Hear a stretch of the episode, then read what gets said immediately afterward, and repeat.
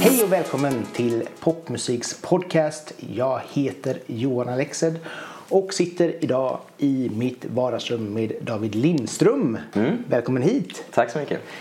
David, för de som inte vet, är sångare och skådespelare från Borås som eh, ni kanske har sett i serierna Blå ögon och Vikings på HBO. Och nu är han aktuell med debutalbumet Go On. Yes.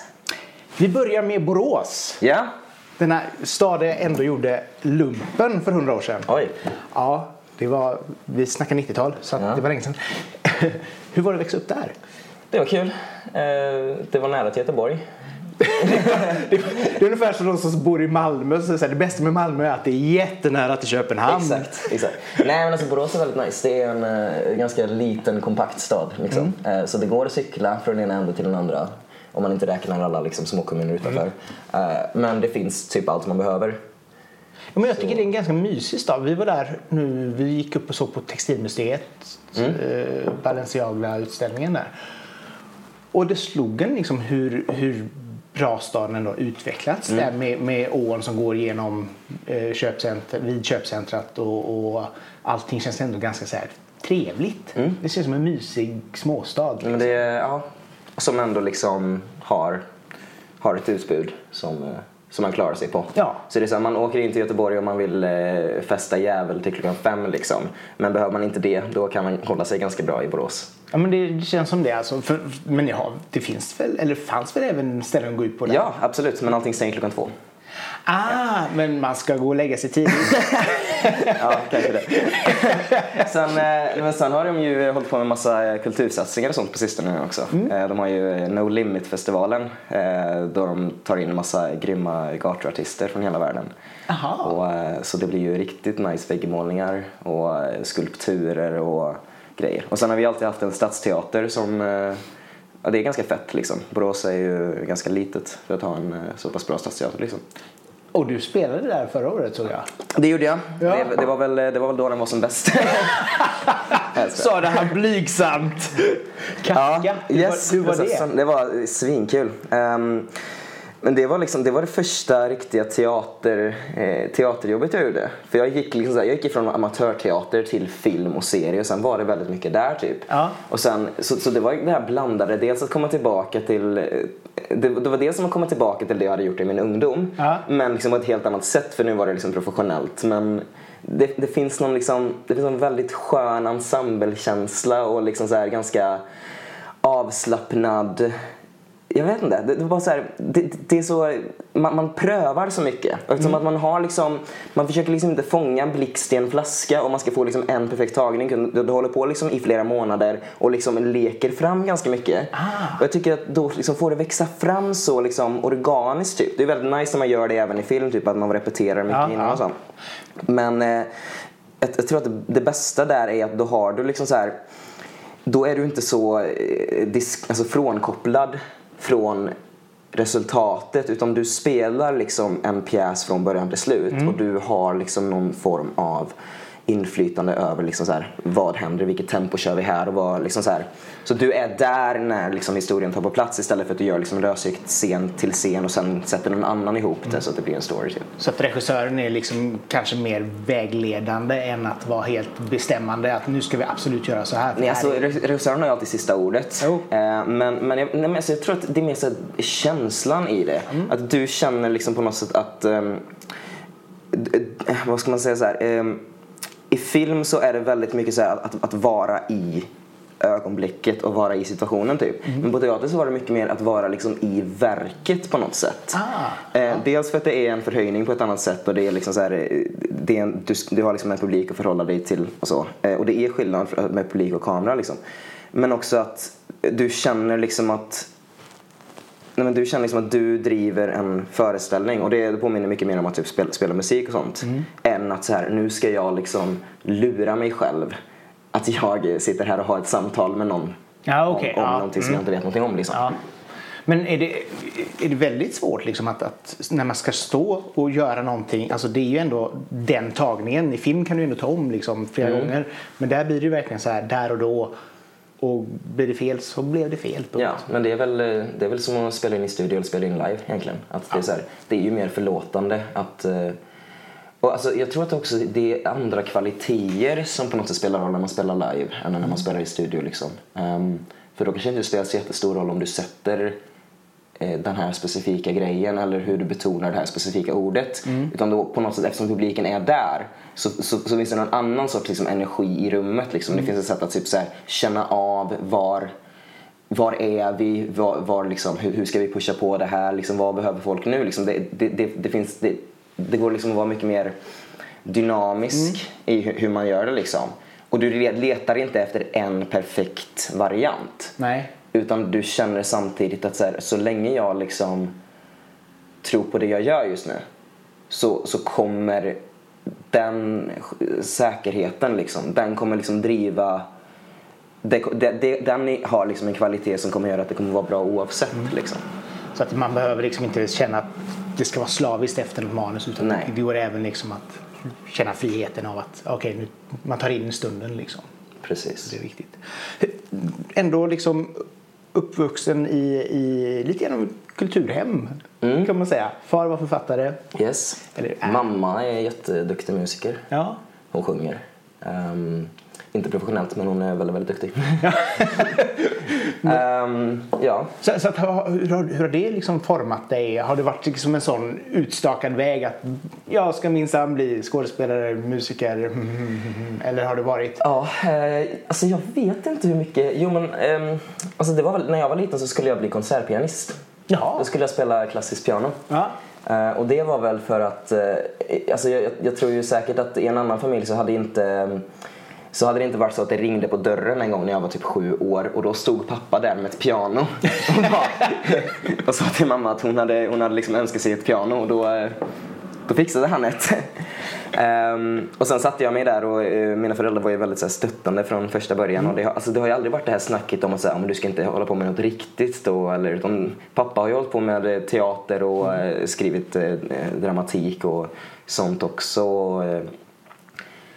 Så, nej, det, så de har alltid varit förstående och, mm. liksom, och jag tror att det har gjort väldigt mycket för att det har ju varit ögonblick där jag också känt liksom att vad, vad fan håller jag på med liksom, kommer det här, finns det någonting i det här, kommer jag liksom, ja, hur kommer det gå liksom? Och då har de jag tror att har man, har man vid det laget en familj som liksom säger att ja, men vad bra, nu mm. kommer du ur den här fasen och så, så, så, gör du någonting vettigt istället. Mm. Då, då slutar man kanske.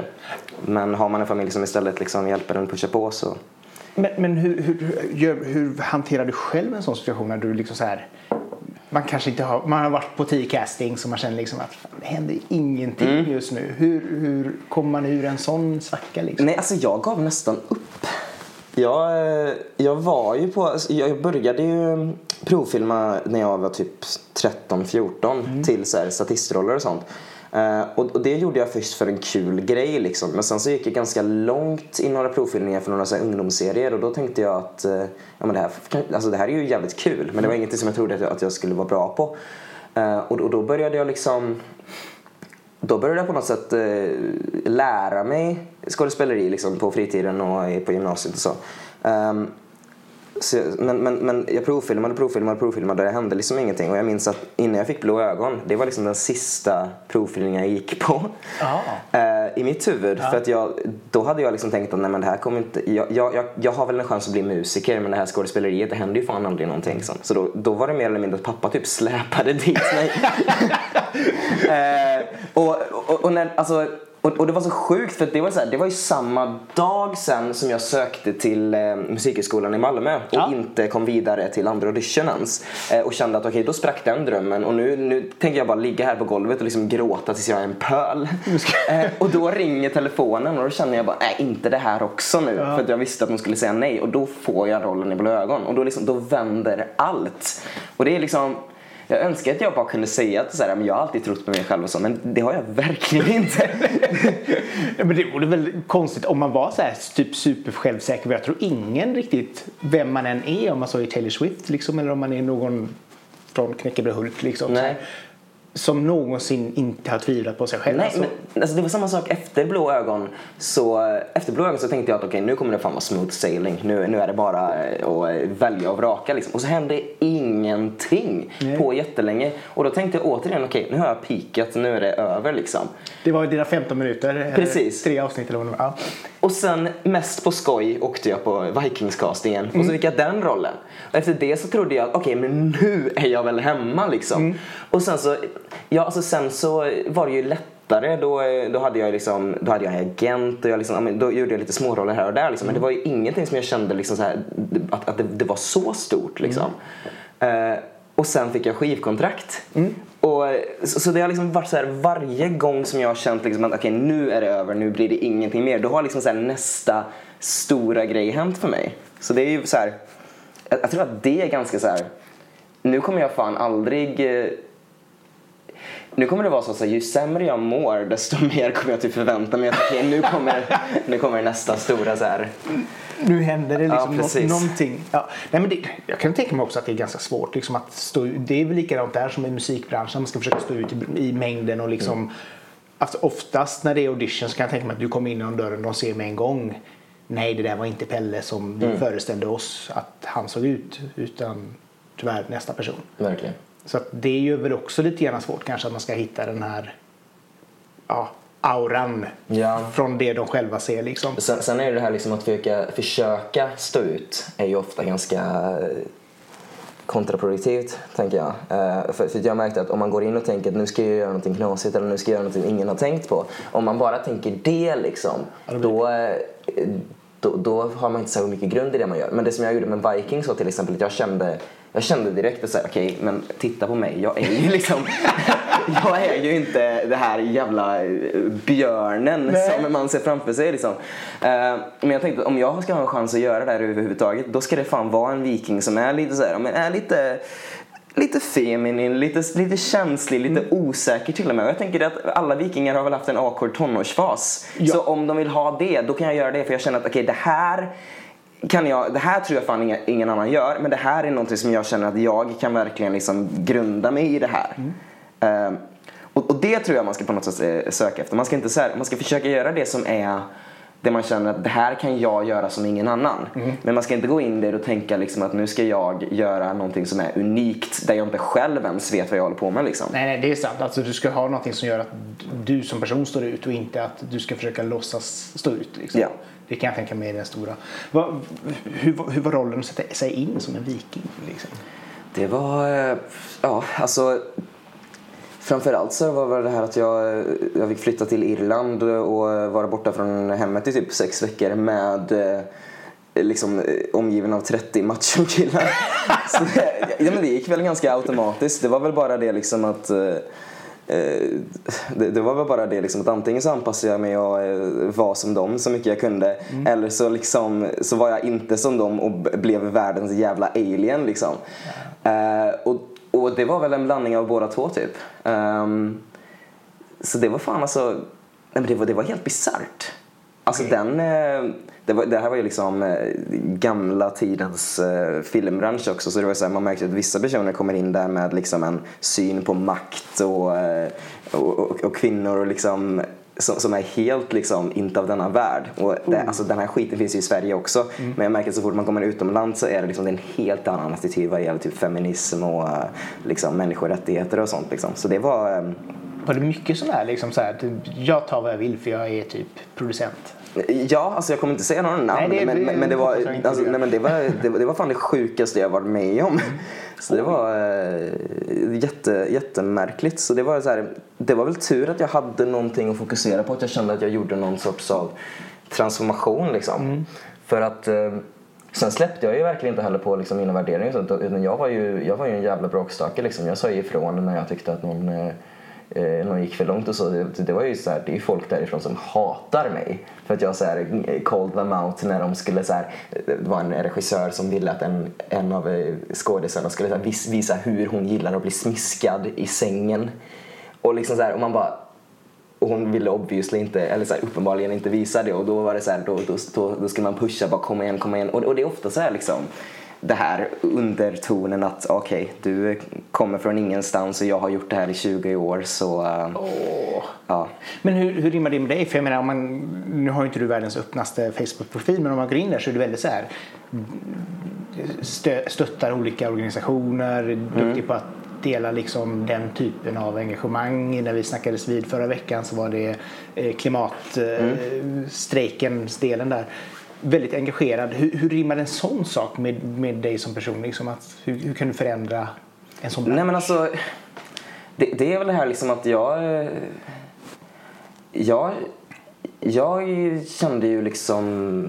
Jag kände ju att det här är, det här är liksom helt jäv, det här är galenskap. Mm. Uh, och jag sa väl ifrån när jag kände att det var rimligt men sen är det framför eh, också det här liksom att jag, jag, kunde inte, jag kunde inte tala de striderna. Eh, och sen kan ju så här, eh, sen, sen, är det ju lite så också att jag kan inte så springa in och eh, bestämma och någon annans vägnar så här, när, eh, när, när det går för långt. Utan ibland så kan, ibland så... Måste den personen säga det själv också liksom? Ja, så här, det är jävligt eh, märkligt för mig att ta på mig att eh, föra alla andras talan liksom, när, när jag inte vet om de överhuvudtaget vill göra en grej av det eller inte. Liksom. Men, nej men alltså det var det var konstigt göra, alltså, men alla branscher eh, när man kommer upp i liksom så här, någon form av showbusiness mm. har ju det. Och, och då gäller det väl bara att eh, du själv känner att okej, okay, prioriterar jag nu att vara, att, att stryka medhårs? Alltså det finns ju en strategi man kan ha att man på något sätt stryker medhårs till man kommer upp så långt mm. att man på något sätt kan påverka uppifrån. Men alltså så smart var väl inte jag, nej. tänkte jag. Utan jag, nej men jag sa ifrån när jag kände att det, men det, är bra. det var galet. Liksom. För, för det, det, känns som att musikbranschen, eller de, alla de här branscherna där det är någon form av alltså, vad ska man säga, alltså skådespelare, modellbranschen mm. jättemycket liksom den här biten att ja, ska du ska du bli fotad och hamna här så ska du ligga med mig också. Mm. Alltså hela den biten.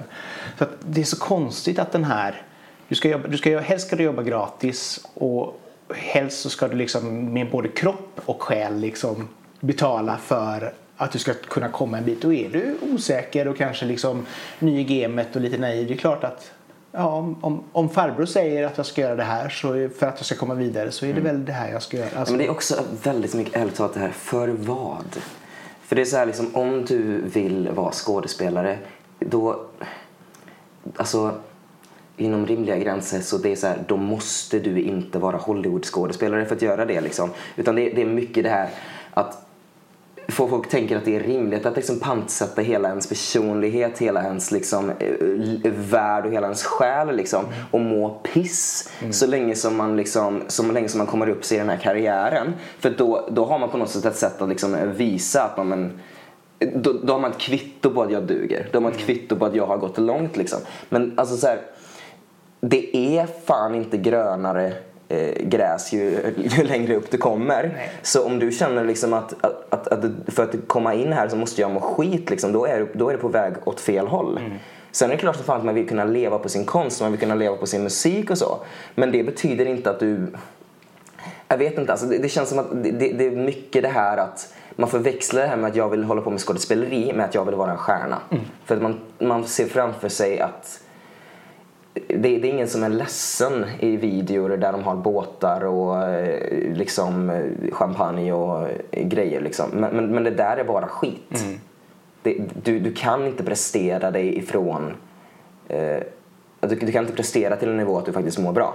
Nej. Det går inte. Utan, utan, utan om, om du liksom bygger ditt liv på ett beteende och i liksom ett sammanhang där du inte trivs då spelar det ingen roll hur jävla stor du blir eller hur mycket du tjänar. Liksom. Det, är, det är bara bortkastat. Tyckte du att, eh, antar i och för sig att de flesta tyckte det var väldigt, ändå en, en väckarklocka med metoo och, mm. att, och att det var någonting som trots allt behövdes att tala om för världen att okej okay, män är inte jättesnälla mot kvinnor. Nej, liksom. alltså, jag, jag, tror fan inte att en enda person var förvånad alltså, som, nej, nej, nej, som, som, som hade varit där. Det, det, var ju, alltså, särskilt inte folk som har varit i branschen ett tag. Det, det, var, det var ju bara så här det, det, var ju bara en sån där grej som... Men det är väl så tystnadskultur funkar. Mm. Eh, när någon blåser i visslan mm. då går det väldigt fort för att, liksom så här, för att många har ju, har ju sett vad fan det är som händer liksom. Ja. Så det, nej, men det var, det var bara på tiden. Liksom. Ja men faktiskt jätteviktigt att, att det händer överhuvudtaget. Att till slut att man vågar ta bladet från munnen Mm. liksom och bara säga att ja, men det här är inte okej. Och sen så kanske det inte händer jättemycket efter det men det börjar sakta men säkert kanske rulla åt Nej. det hållet att du kan inte göra vad du vill med en annan människa. Ja. Nej, alltså det, det är svårt att uh, förutspå liksom vad, vad det kommer leda till. Men grejen är att jag var, jag var ju inte mm, kvar på Vikings sen efter metoo. Så jag kunde ju inte se konkret om det fick några följder där liksom. Nej. Men eh, det finns ju en risk att det blir väldigt mycket så symbolfrågor också liksom. Ja. Att man, man, man eh, bestämmer sig för att okej, eh, nu, nu skapar vi någon liten, nu konstruerar vi en titel till en person här som ska typ så se över så att ingenting händer. Men det, det blir lite det här som du vet när skolor jobbar antimobbning. Mm. Att, att, att du liksom sätter in en elev som ska vara lite så här eh, vänskapspolis eller någonting på så här. Det spelar ingen roll om liksom inte attityden och kulturen och framförallt liksom maktförhållandena förändras. Utan då blir det bara yta. Då blir det bara att man maskerar det på ett annat sätt. Liksom. Och då, då blir det bara ytterligare liksom ett maktverktyg. För, för, för, för nu är det liksom så här... Alltså, fe, feminism kan ju så, så lätt approprieras av människor som är, som är sjuka i huvudet. För att på något sätt liksom säga, ja, men titta på mig, jag, jag är god. Eh, och, och då är det människor som har stöttat övergrepp och har hållit käft om saker hur länge som helst som nu plötsligt ställer sig på den goda sidan och istället använder, liksom, använder feminismen och metoo för att liksom attackera andra människor och komma undan med sin egen skit. Liksom. Och, och, och det blir så här, liksom, om, vi inte så här, om man inte börjar så här ifrågasätta makten i grunden eh, och inte bara gör massa liksom så här, symbolpolitik av allting så eh, då kommer det inte hända ett skit. Nej. Nej, men det handlar ju om individer. Det är ju person, en, personlig inställning som är problemet. Alltså, Jag tror det handlar om strukturer. Jo, nej, men det är också alltså just det här. Alltså, du har en person som, som tycker att ja, men jag, jag får göra vad jag vill för jag är där jag är.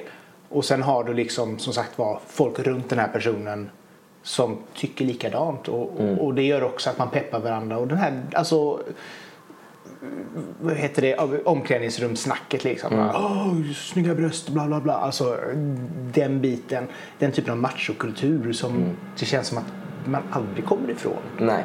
För alltså även om, även om vi pratar om det och säger liksom att ja men hallå, det här är inte jätterelevant Nej. hur, hur, hur bröst är eller så vidare. Utan det finns andra värderingar som man kanske ska prata om. Men det, det, liksom, det känns som att man ändå är kvar där i den här lite neandertal-delen.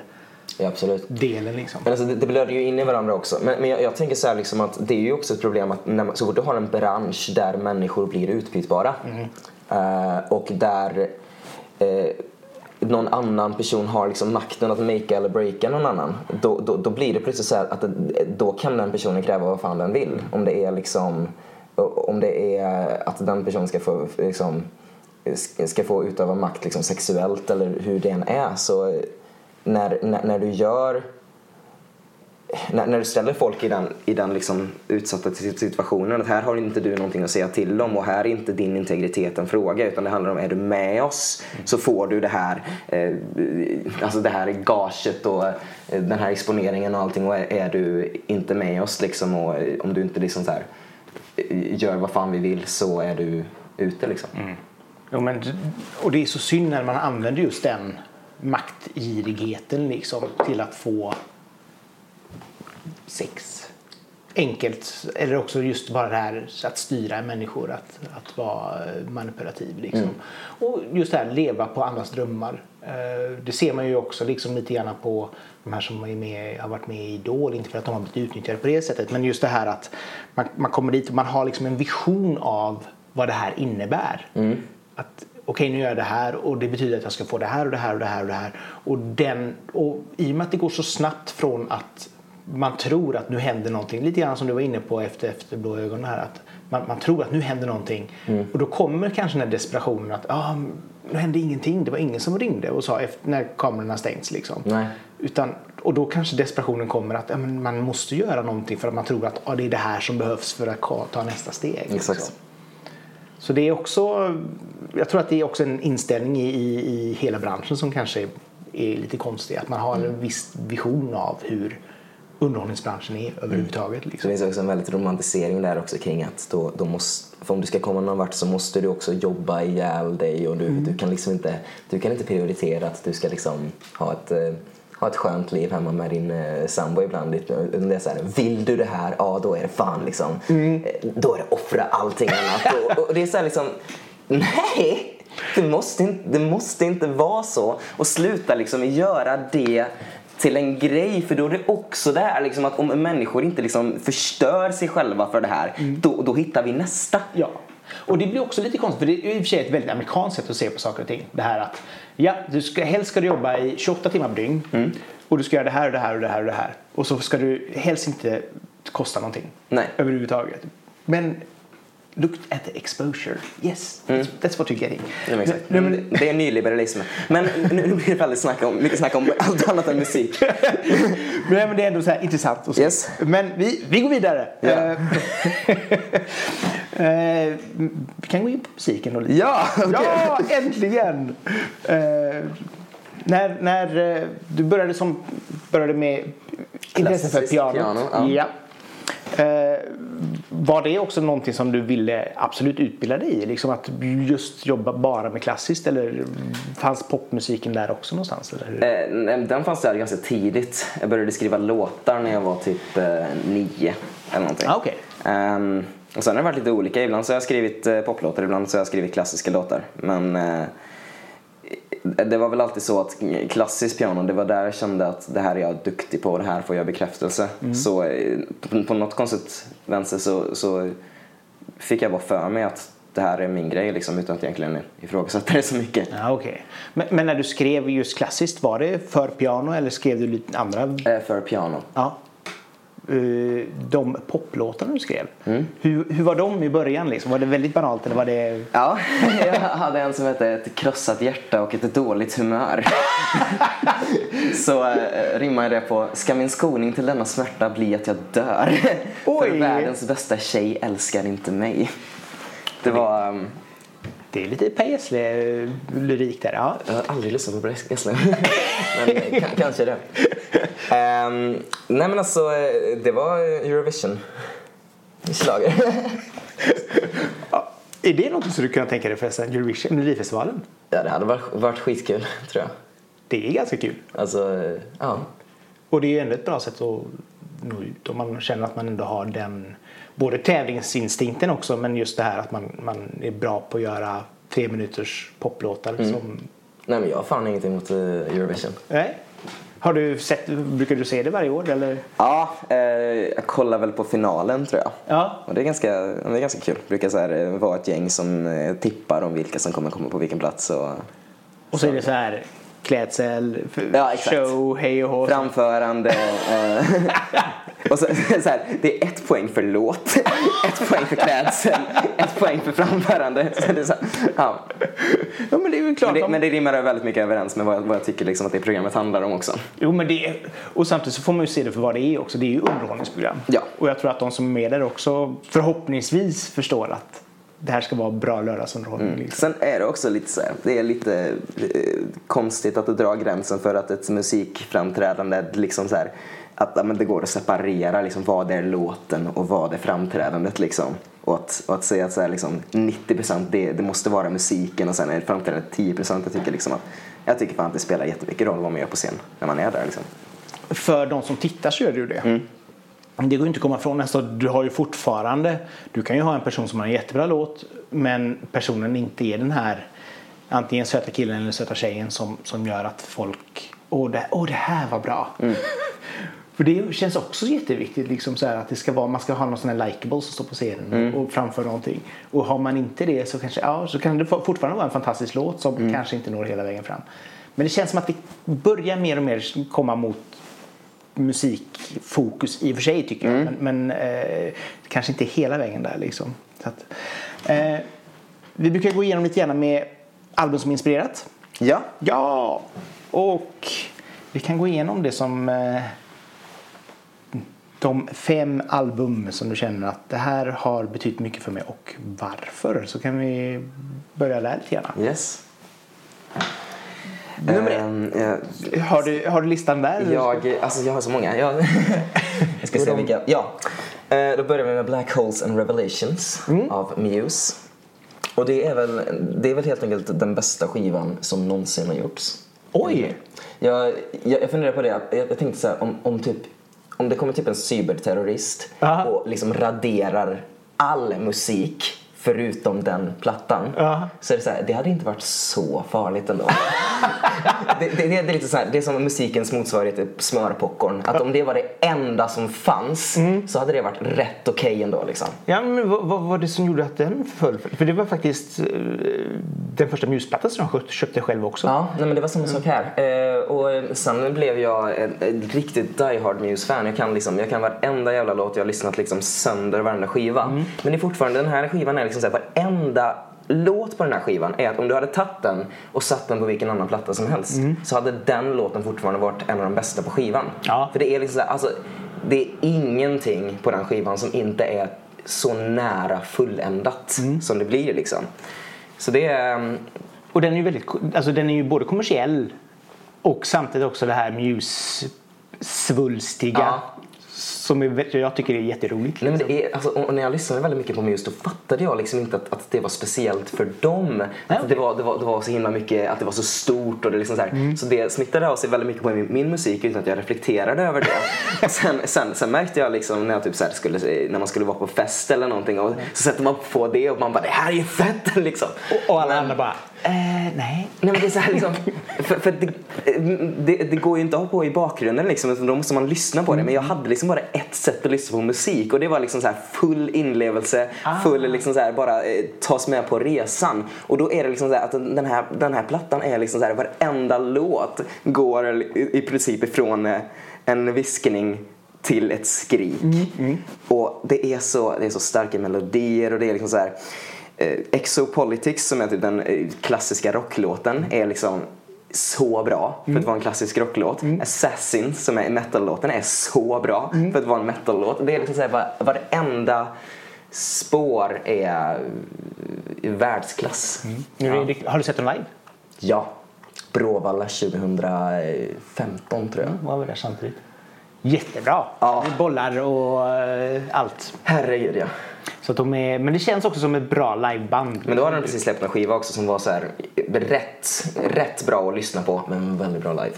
Mm, ja, jo men absolut. Men det känns som ett bra liveband. Liksom, så att det, eh, nummer två. Dans med svåra steg. Första halvan. Första sidan på eh, i- Ja, LPn. men i, Ja. i princip. Ja. Eh, För, att, för att det, och det är inget ont mot andra. Jag har typ, jag typ bara inte hört andra halvan överhuvudtaget för att jag har varit så besatt av första halvan av den här skivan. Oj, Ehm, på vilket sätt då? nej men det var... ehm, det var en period där på gymnasiet då jag och min eh, dåvarande flickvän lyssnade väldigt mycket på, eh, på just Winnerbäck och då var det också så här, varenda låt där i början var, hade liksom så olika kvalitet ifrån de andra. Men det var också, det var någon sorts, alltså ambitionsnivån eh, i liksom så här vilken, eh, vad, vad, ska vi säga så här, alltså hur hur mm, high concept eh, som låtarna var liksom. Ja.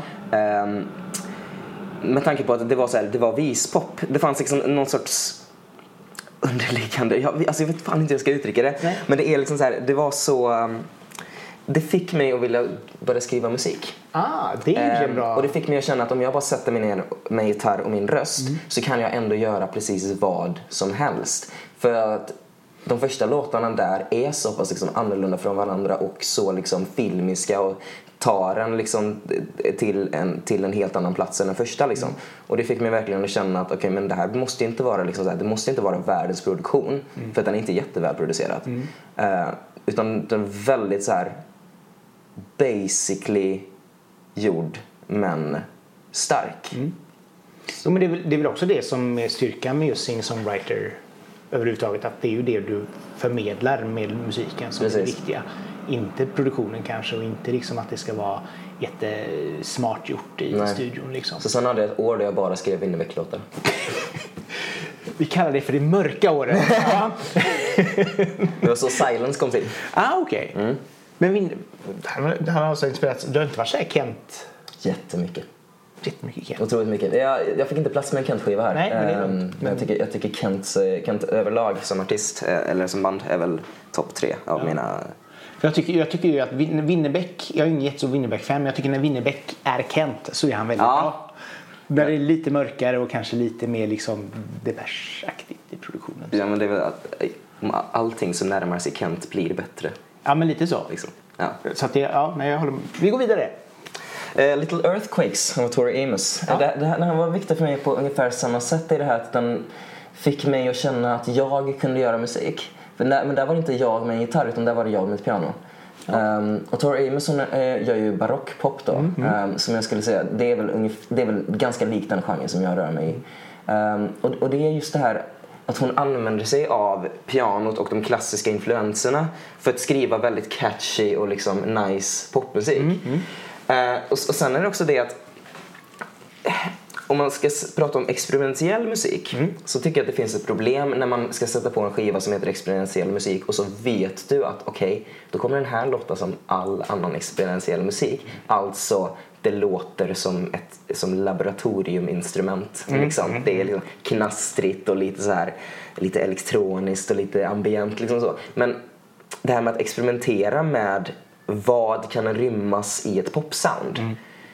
Jag tycker hon gjorde det så jävla bra på den här skivan att hon på något sätt liksom så här, hon försökte inte röra sig utanför genren på något sätt utan hon försökte liksom så här omforma genren till att liksom rymma ett mycket mer or- orkestralt eh, sound och sen hade hon liksom så en vad ska man säga, hon hade liksom en känslomässig eh, lössläppthet som inte var så vanlig, framförallt inte bland så här kvinnliga singer-songwriters där. Liksom, utan, hon liksom gick väldigt så här, alltså, mycket så här, eh, vad ska vi säga, liksom där, ja, men upphetsade känslor och liksom ganska, ganska hög intensitet känslomässigt. Även om pianot är avskalat ibland. Liksom. Så det var väldigt inspirerande.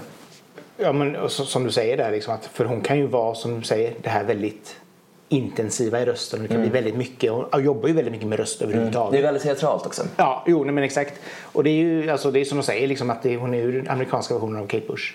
Eh, åt det hållet att det blir, kan, kan bli lite, det blir st- stora, st- yvigt liksom. Ja, på, ett, på ett snyggt sätt. Så det är käckt. Och det gjorde väl att jag kände att jag kan, jag kan göra något sånt också. Liksom. Men, men innan vi går vidare i det här då. Eh, för du är liksom så här, skådespelare och musiker. Musikal överhuvudtaget? Älskar musikal. Älskar musikal. Hade, hade ett år där jag bara lyssnade på musikal. Jaha. Eh, jag, jag valde ju fem låtar här också. Då har vi, eh, som har varit viktiga för mig. Då har vi Ni dömer mig från Chess. Ja.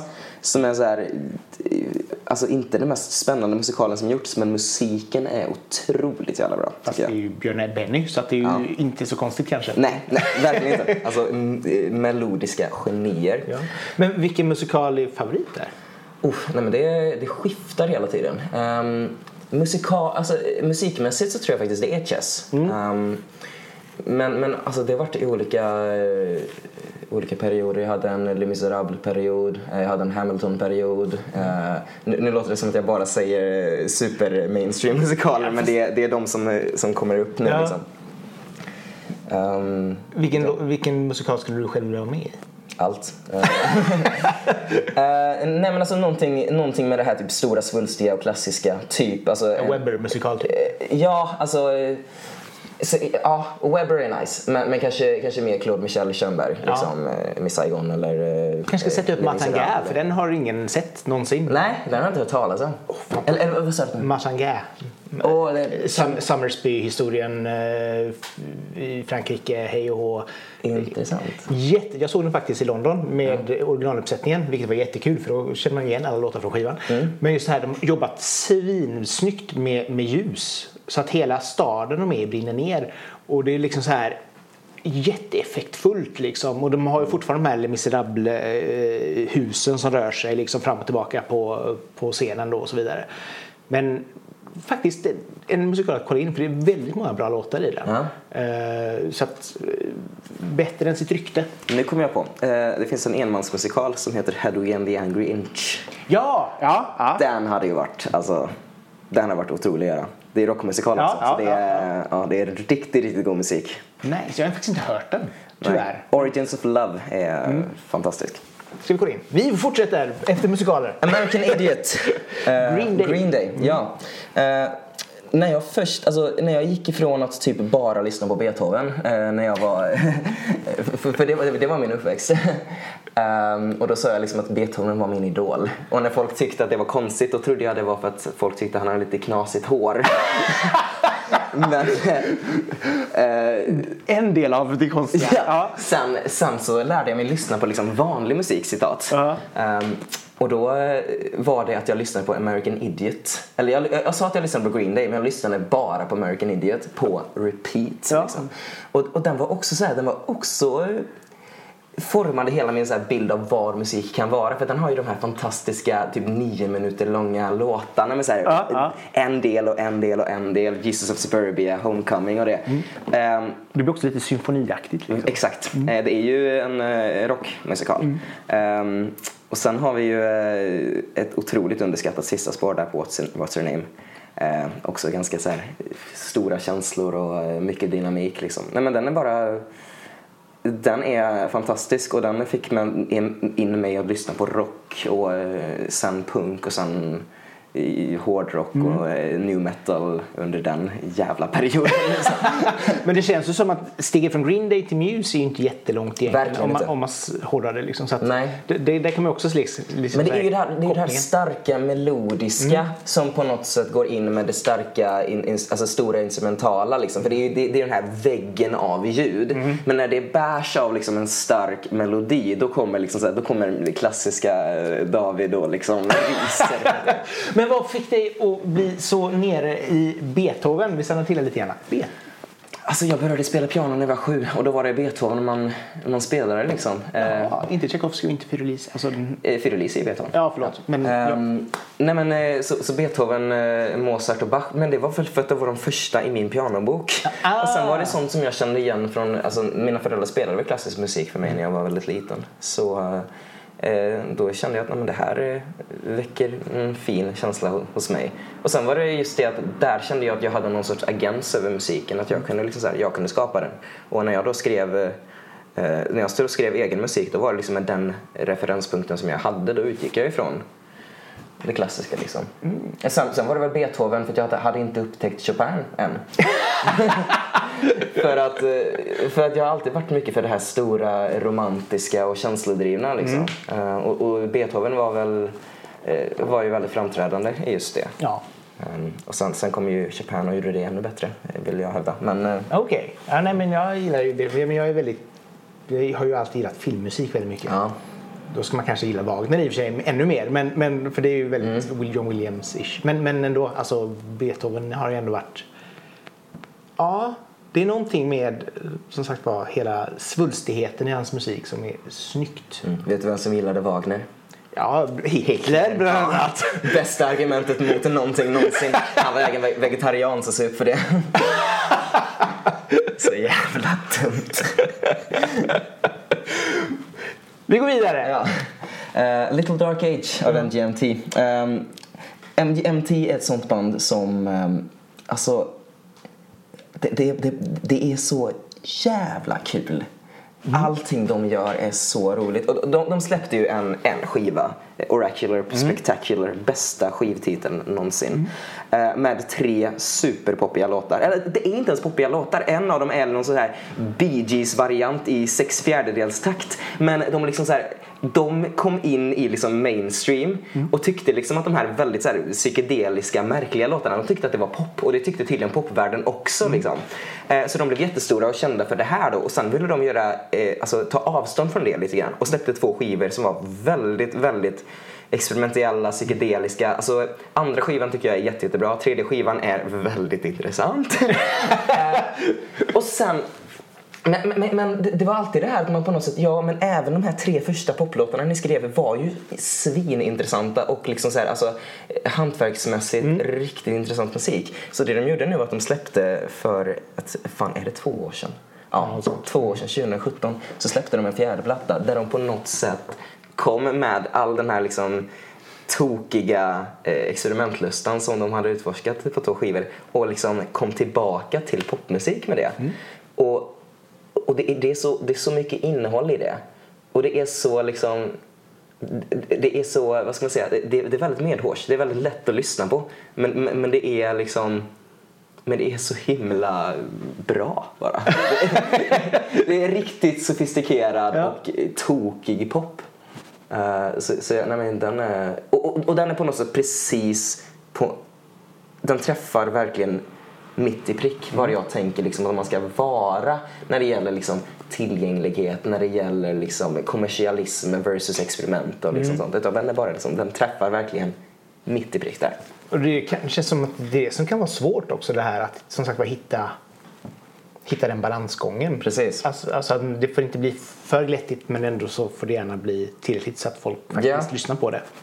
Exakt. Så, så att det, ja, nej men, och det är ju många artister som jag vet som, som också fortfarande har MGMT som, som en, som en måttstock mm. liksom, mm. för, för vad musik ska vara. Liksom. Verkligen. Popmusik överhuvudtaget. Så att. Men du kom in på ditt, ditt lilla musikprojekt. Ja. Varför Dave Felice? Dave Felice, det är en eh, stilisering av eh, mina förnamn, David och Felix. Ah. Jag tänkte att om jag skulle heta David Felix eller David Lindström så skulle det låta, det skulle liksom inte, det skulle signalera typ singer-songwriter eller mm. liksom eh, svensk housepop typ. Um, men då, då tänkte jag att jag ville på något sätt antyda att nej men det här är, det här är lite, lite romantiskt, lite så här, oh, lite latin typ. eh, men också lite androgynt, eh, lite så här, vem, vem är det som står bakom det här? Mm. Är det en artist? Är det ett band? Jag gillar Bon Iver väldigt mycket mm. som, som liksom artist slash bandnamn liksom, mm. för att det är så här, Eh, och det gör också att man kan eventuellt sudda lite i gränsen så, här, så småningom. Nu har ju jag gjort allting på den här plattan ihop med en producent. Liksom. Mm. Um, men eh, nu har jag ju satt ihop ett band för att spela live. Mm. Uh, och det är ju också svinduktiga musiker som kommer med input och kommer med idéer och sånt. Och så, så, det är nice liksom, om Dave Felice kan vara någonting liksom så här, lite, lite större och då blöda in i att, att det blir mer av ett band. Mm. Liksom, om du förstår vad jag menar. Ofta så blir det ju så att när man ska göra någonting live så behöver du ju någon form av kompmusiker om du inte ja. har allting på i, i Logic i datorn. Liksom. Precis. Men jag, jag, vill, jag vill att det skulle vara, vara någon sorts tvetydighet som ändå liksom signalerar romantik. Typ. Ah, okay. Rom Nej, texterna till detta För du sa att du började skriva när du var väldigt ung men till ja. detta så kan jag tänka mig att det är... Ja, allt, allt är nyskrivet. Jag började skriva på engelska ganska nyss. Ja. Eh, så många av låtarna har jag helt enkelt tagit och översatt. Ah, okay. Um, ehm, och, och, och det, det, är väl, men jag tycker väl att engelska på något sätt, på samma sätt som man skrev opera på italienska, mm. så tycker jag väl att man kan skriva musik på engelska liksom för att man helt enkelt tycker att det, det är fint. Och det är väl det, det jag känner. Jag ty tycker att engelska texter resonerar väldigt bra. Plus att det blir ju tillgängligt över hela världen. Liksom. Det brukar ju också sjunga bättre på engelska. Sedan så blir det väl kanske starkare texter när man sjunger det på sitt modersmål eller svenska. Ja, liksom. Men... Jag, jag, skriver väl jag, objektivt sett bättre texter på svenska just för att jag behärskar språket bättre. Liksom. Mm. Men vad är en bra text och inte? Liksom? Alltså, om det är fonetiskt, om man fonetiskt sett tycker att det här låter bättre, ja. då är det ju bättre på det sättet också. Liksom. Ja, jo, men det blir ju så. Det är, allting låter nästan snyggare på engelska. och det känns som att vi, i och med att vi här i Sverige är så duktiga på engelska också. Så att, eh, musiken då, hur kom den till? Alltså själva låtmelodierna, låtarna? Äldsta låten är väl Silence och den kom till för eh, 15 eh, år sedan. Eh, och nyaste låten är Medicine. Eh, mm. och Alltså däremellan har det varit så nej, men det har varit olika influenser och olika så här liksom riktning för varenda jäkla låt. Mm. Liksom. Mest så är det det att jag sitter antingen vid pianot um, och, och liksom leker med någonting tills jag hittar något som jag tycker om. Eller så går jag på stan och får, liksom, får en melodi på hjärnan mm. eh, som jag sen... Eller att jag sitter med ett band och eh, skojar. Liksom. Alltså det är väldigt mycket det här att, att, att man leker tills att man känner att nej, men nu, nu har vi någonting. Mm. Eh, och, och, och, och liksom vilken ingång jag har till det gör att låtarna blir ganska annorlunda. Och, och det är så också, jag har på något sätt tillåtit låtarna att vara ganska eh, olika varandra på skivan utifrån liksom var, hur de har producerats och varifrån de kommit. För jag tycker att det är nice också att liksom sudda ut det här att det måste röra sig inom ett sound. Utan att om jag, om jag tycker att en låt liksom gör sig bäst med en särskild sorts arrangemang och ett särskilt sorts sound, då, då låter jag det verkligen blomma ut i den riktningen. Um, snarare än att försöka hålla en röd tråd. Liksom. Uh, när det gäller eh, inspiration till texterna? Vad hittar du där? Alltså, jag tycker liksom att om man bara typ lever livet eh, och försöker att vara, liksom, vara medveten lite om vad som händer i världen och eh, vad som händer omkring en så, eh, eh, så får man ganska mycket input på den vägen typ. Ehm, utan att jag känner att jag behöver specifikt leta efter det. Eh, men sen när jag skriver en text då brukar jag försöka säga okej jag utgår ifrån mig själv eller någonting som har hänt mig eller någonting som jag har hört eller något sånt. Ehm, och sen gör jag så att jag antingen typ zoomar in eller zoomar ut. Så att liksom den här specifika konkreta grejen på något sätt um, suddas bort. Och man landar antingen liksom i en atmosfär eller i en känsla. Och så försöker jag förmedla snarare den atmosfären och den här känslan. För då tror jag liksom att om jag vet vad den här låten handlar om och jag kan applicera den på en konkret grej hos mig. Men att jag suddar ut det som binder den till den här specifika händelsen Ja. och använder, jobbar med lite variabler. Ja. Så blir det lättare för folk att på något sätt applicera det här på, på deras liv och att på något sätt eh, känna igen sig i det liksom. Utan att bli för personlig liksom och ändå skriva någonting som... Ja, alltså det, är inte, det är inte att jag försöker låta bli att vara personlig utan det är mer bara det att jag, jag, jag, jag tycker om att på något sätt liksom så här, om, okej nu, nu har någonting hänt mig men, men, men- vad, är liksom, vad, vad är kärnan i detta som någon annan kan... Alltså det finns ju någon allmänmänsklighet liksom i botten av varje känsla typ. Så då tänker jag att okej, nu eh, käkade jag mat och det gjorde att jag, att jag mådde bra liksom. Hur beskriver man den här känslan? Med andra ord. Så att man kan applicera det på något annat så får de må bra. Må bra eller så. Men brukar det vara liksom så att man läser nyheter, kollar på tv, hela den biten, alltså att, man hittar det på, att, att du hittar det på det sättet? Eller är det liksom... Ja, absolut. Eh, jag försöker liksom ha koll på eh, vad som händer. Ja. Typ. Ehm, Men blir det så, liksom så, här, så fort du ser någonting så bara ah, skriva in i min anteckning i ja, bilen? hela tiden. Och en massa eh, luddiga, konstiga eh, vad heter det? Såna här små inspelningar, ljudinspelningar på Ja. den här mobilen. Mycket så här också, man ligger och ska sova och så kommer det någonting precis innan man somnar och så spelar man in det så tyst för att inte väcka sambon och så lyssnar man på det dagen därpå och så låter det bara jag, jag vet inte vad, vad jag tänkte här men okej. Hur, att bolla idéer och sånt. Ja. Alltså, I och med att du ändå har skrivit det mesta själv. Du, mm, Nikos, vad heter han efternamn? Nikos Tarmanidis. Det skulle jag aldrig våga uttala. Men, ja. Eh, har ändå varit med på två låtar vad jag. Ja, eh, han, han var med och skrev musiken till två låtar. Eh, och då hade vi ett annat eh, musikprojekt som heter Best Everest. Okej. Vä- väldigt nöjd med Som titeln. ett stort berg av brahet. Exakt. Ja. Ehm, och då var det väl mer så att vi, vi hjälptes åt med musiken och sen skrev jag texterna. Mm. Ehm, sen är han ju med på de här två låtarna också och spelar eh, gitarr Ja. och har skrivit riff och eh, sånt också. Så, eh, men, men texten har alltid varit 100% jag. Okej. Men eh, annars fall då? Brukar du liksom så här, är det sambon som får lyssna igenom eller har du någon annan så här Det är väldigt mycket sambo som får lyssna igenom. Ehm, nej men jag, jag tycker att alltså, om jag bara spelar upp någonting för någon annan så, så här, oavsett vad de säger sen så märker jag liksom när jag visar det för dem så märker jag liksom eh, på vägen bara det här känns inte bra eller det här, och det här var nice liksom. Vad, vad är du mest nöjd med på innan? Uh, oj, objektivt sett så tror jag det är eh, Go On. Ja. För att den är så eh, knasig liksom. Jag, jag, jag tycker den är cool. Ehm, men sen, min personliga favorit är nog Iron Mind. Okej. Det är en sån här låt som jag tycker smyger sig på en. För den är så här, de flesta gör inte, gör inte så mycket notis av den första gången de hör den. Men sen liksom efter ett tag så har den liksom blivit eh, favoritlåten för väldigt många i bandet typ. Ah, nice. Så det är gött.